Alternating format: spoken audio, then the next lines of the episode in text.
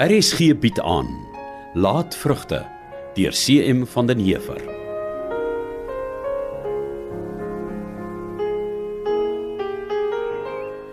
Ek verstaan oom se bekommernis, maar ons kan akkoord gaan dat oom ons kan sê om te gaan die oomblik as oom ontevrede met ons is. Die laaste strooi was natuurlik toe my pa agterkom die vent steel van sy skaap.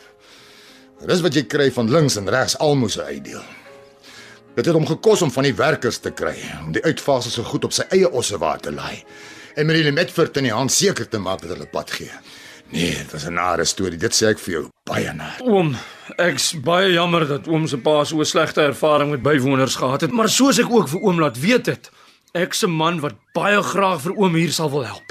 Maar het my hande staan van niks verkeerd nie en ek het 'n wakker vrou. Ons sal baie vir hierdie plaas kan beteken. Hmm. Oom sal dit self sien en oom, meer nog as enigiets anders. Vra ek dit van oom vir my liewe vrou se onthaalwe. Sy is al heeltemal moeg van die gesukkel. Ons sal hard werk en meer as ons deel doen. Ons sal sien. Ja, ou vriend. Dit is so dat ek iemand nodig het om my te help, maar hy sal moet wakker loop. Oom kan daarop reken dat ek baie wakker sal loop. Ek sal hom weiding vir 200 skaap gee en 'n stuk land om vir my om die helfte te bewerk. Maar dan moet hy my met al die plaaswerk help en nie lyf wegsteek nie. Hm. Jy sê niks. Hmm, Dis 'n bietjie kwaai oom. Wat is kwaai? Wel uh ek het gehoop om daarom 400 skape te kan aanhou. 400. Ja oom, 200 skape is bra min om vooruit te kan boer. Nee, ou vriend. Nie 'n skaap meer as 200 nie. Vat dit of los dit. Jy sien die saak staan so. Ek het soveel kerels wat reg staan om die kans te vat dat ek eintlik sommer vanmiddag al wil hoor watter kant toe jou kop staan. Nee, jy verstaan. Ja oom. Oeh, goeiemiddag. Ek staan Betta oom Sybrand se vrou. Aangenaam tante, 'n Bux Langeveld. Aangenaam Bux. Gaan dit daarom goed? Eh, dankie tante. Sybrand. Mm. Januarie het nou net vir my die brief gegee. Dit lyk my dit kom van Annie af. Hm, Goed, ek sal dit net nou lees. Sit dit maar neer daar op die tafel. Reg so. Geniet die koffie. Dankie. Bly om te kon ontmoet Bux. Eh, dankie tante. Ja, ook so. Oom met 'n gawe vrou. Nou toe. Watter kant toe staan jou kop? Goed oom. Ek uh, ek wil baie graag die kans hê om vir oom te bewys wat daar in my steek. Maar Wat? sal sal oom nie dalk daaraan kan dink om die ding later 'n bietjie te rek nie. Sê maar so oor 'n jaar of wat. Na miskien 300 skaap. Asseblief oom, dit- dit sal my baie help. 300. Ja oom. Goed. Ons sal daardie tyd sien hoe ons akkodeer. Baie dankie oom. Ek wil net vir jou 'n paar dingetjies skets wat jy mooi moet verstaan. Natuurlik. Ja ja, ek luister oom. Hier op Boskloof het die son my nog nooit in die kooi gevang nie. En ek verwag dieselfde van jou. Ek verstaan oom. Ek glo self 'n boer moet sy dag voor sonop begin. En jou dag is nie verby voor jou werk klaar is nie. As dit jou tot na sononder vat, dan moet dit nou maar so, verstaan? Heeltemal oom. Ek ek glo dieselfde. En ons van vierens is nie mense wat hulle steur aan siektes en kwale nie. Hoe harder jy werk, hoe minder kans vir piep is daar. Dis geslagte lank ons kontensie. Nee nee, dis reg so oom. En hier op die plaas is ek die baas. Ek sê hoe, ek sê waar. Ek sê wanneer en ek sê hoeveel. Verstaan ons mekaar? Heeltemal oom. En nog 'n ding. Ja oom. Die huis daar oorkant waar jy gaan intrek. Ja oom. Die plek geskoon en netjies. Alles is heel. Ja oom. Jy sal sorg dat dit so bly. Natuurlik oom. Om die waarheid te sê, jy moet die plek so goed oppas dat dit nog beter lyk die dag as jy daar uittrek, as die dag wat jy daar intrek. Ek verstaan oom. En uh het julle kinders Eh, Nee oom. nog beter. Nou goed, dan smaak dit my ons kan akkoord gaan dat jy hier op Boskloof kom intrek, jy en jou vrou. Dankie oom. Baie baie dankie. Julle kan maar volgende week intrek. Ek sal sorg dat die huis reg is.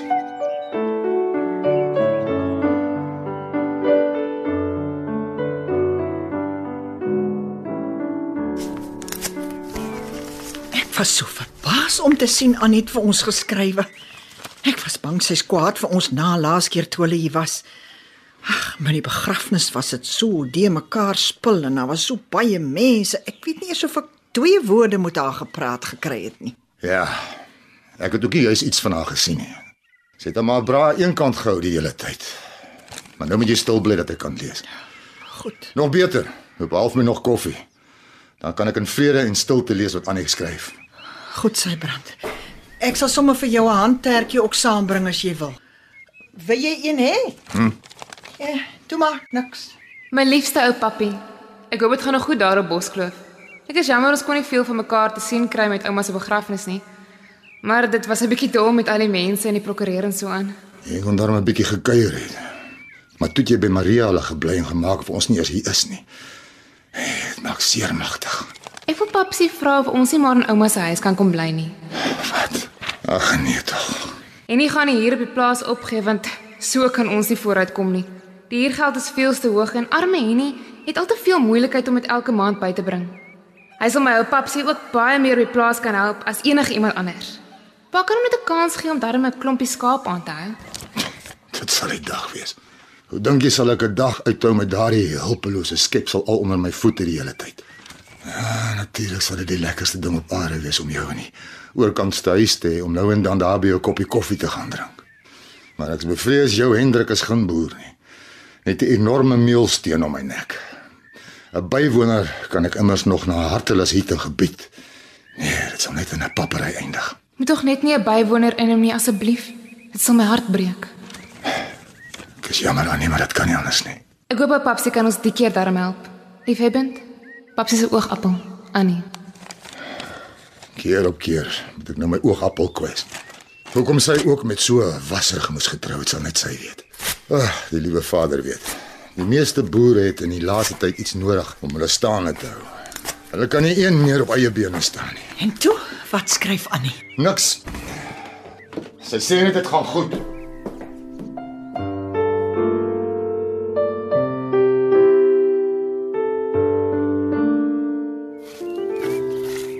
Môre môre. Ek is bly ek sien vir klein meneer. Nou net my gevra om vir klein meneer 'n boodskap te gee. Môre Januarie, 'n boodskap. Ja, sy het gevra ek moet sê sy gaan bietjie rus by haar suster. Ek dink ouma vrou se dood en al die was bietjie swaar op haar. Ja, hy fooi tog. Hulle het mekaar lank geken. Dankie dat jy gesê het. Nee, is reg so. Maar as klein meneer so die wêreld gestaan kyk het. Nee, ag, ek het sommer gedink. Waaraan? As ek mag vra. Ek bly jy's terug, weet jy. Wat ek daarmee iemand om mee te praat. Ek dink aan klein meneer het so lekker met hom nonnie gesels. O, oh, is dit wat sy jou vertel het? Nee, klein meneer, is maar net wat ek gedink het. O, oh, Wou klein meneer Atemit iets gesê het. Hm? Ek meen nou maar met dit dat klein meneer so vir die niks daar kyk. jy weet, ek kan nie help om te voel ek en my pa gaan een van die dae groot beklei nie. En dan sal die laaste sien van die blikkantien wees. Hoe praat klein meneer aan nou? Ek weet self ek werk half van my. Hart is nie in wat ek doen nie en my pa hou my meer dop as ooit tevore. Hy wag net vir die regte oomblik om met my af te reken. Met dit dat die water so opgedroog is hier in in die boonste kampe, is sy geduld skoon op. Ja, klein meneer. Ek sien nie windam onder die kuile is ook nou al droog. Ja, klein meneer. En daar's ook geen teken van reën nie. O oh, nee. Nee, is ou vlieswolkie nie. Klein meneer, as ek mag vra, Ja, Januarie. die ding van hoe klein meneer voel. Hm? Het dit miskien iets met klein oom Johanna te doen? Ja, dit het alles daarmee te doen. Wou klein meneer gepraat het. Ag Januarie, wat sal dit tog help? Om te praat maak altyd 'n mens se kop oop. Man, jy's net nuuskierig. Nee, toe nou nie klein meneer. Dis maar net regte omgee. Ja, ek weet. Vir my is dit als my pa se skuld. As hy nie die hele wêreld gehaat het en net vir homself omgegee het nie, was hy nie om Jaap seker nooit sulke groot vyande nie. Maar omdat hy so is, kan ek en Johanna mekaar nie sien nie. en Is ons albei ongelukkig. Ek voel ek het niks om na uit te sien sonder haar nie. Ja, die liefde doen sulke goed aan 'n mens, klein meneer. Ek was in my hele lewe nog nooit so ongelukkig nie, weet jy? Ai, klein meneer. Ek het maar nog al die jare net gewerk sonder om te dink aan hoe hard of hoe lank ek werk. Ek het nie eers geweet ek het nie 'n lewe nie. Dat my eet en slaap en werk als een is nie. So was dit deel van my. Maar nou weet ek hoe armsalig en triestig my lewe is en ek het genoeg gehad daarvan. Ek hoor, klein meneer. Ek hoor. My pa moet nou maar ontplof en beklei soos hy wil. Ek sal nooit weer sy slaaf kan wees nie. Ek loop liewer as wat ek 'n dag langer so ongelukkig moet wees.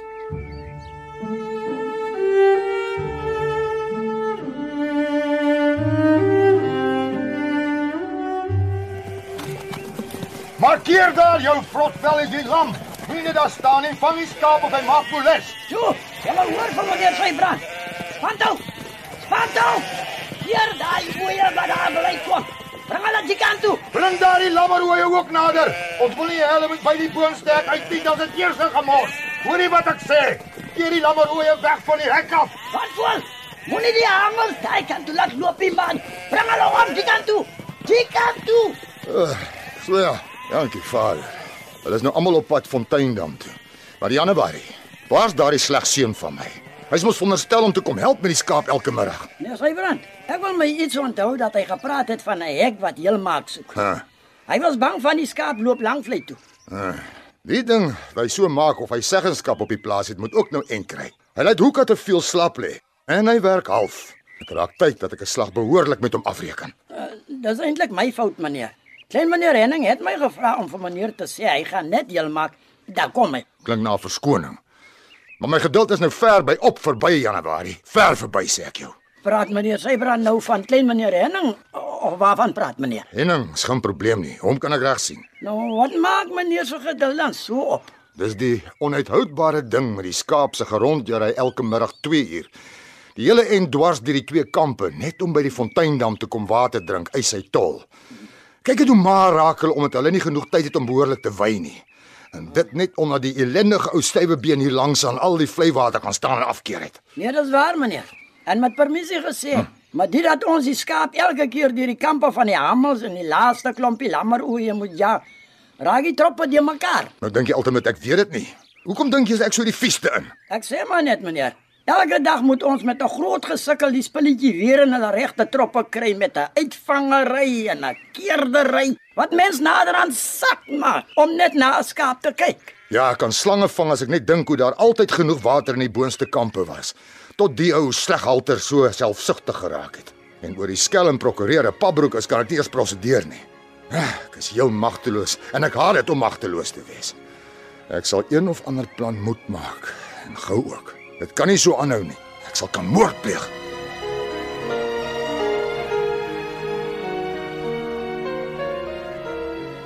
Die afgelope week in Laatvrugte het hierdie stemme gehoor van Johan Stassen, Susan Beyers, Leon Creur, Chris Magid, June van Merwe, Rolien Daniel, Christine Tesco, Ludwig Binge, Shaal van Henningen en Pierre Nelson.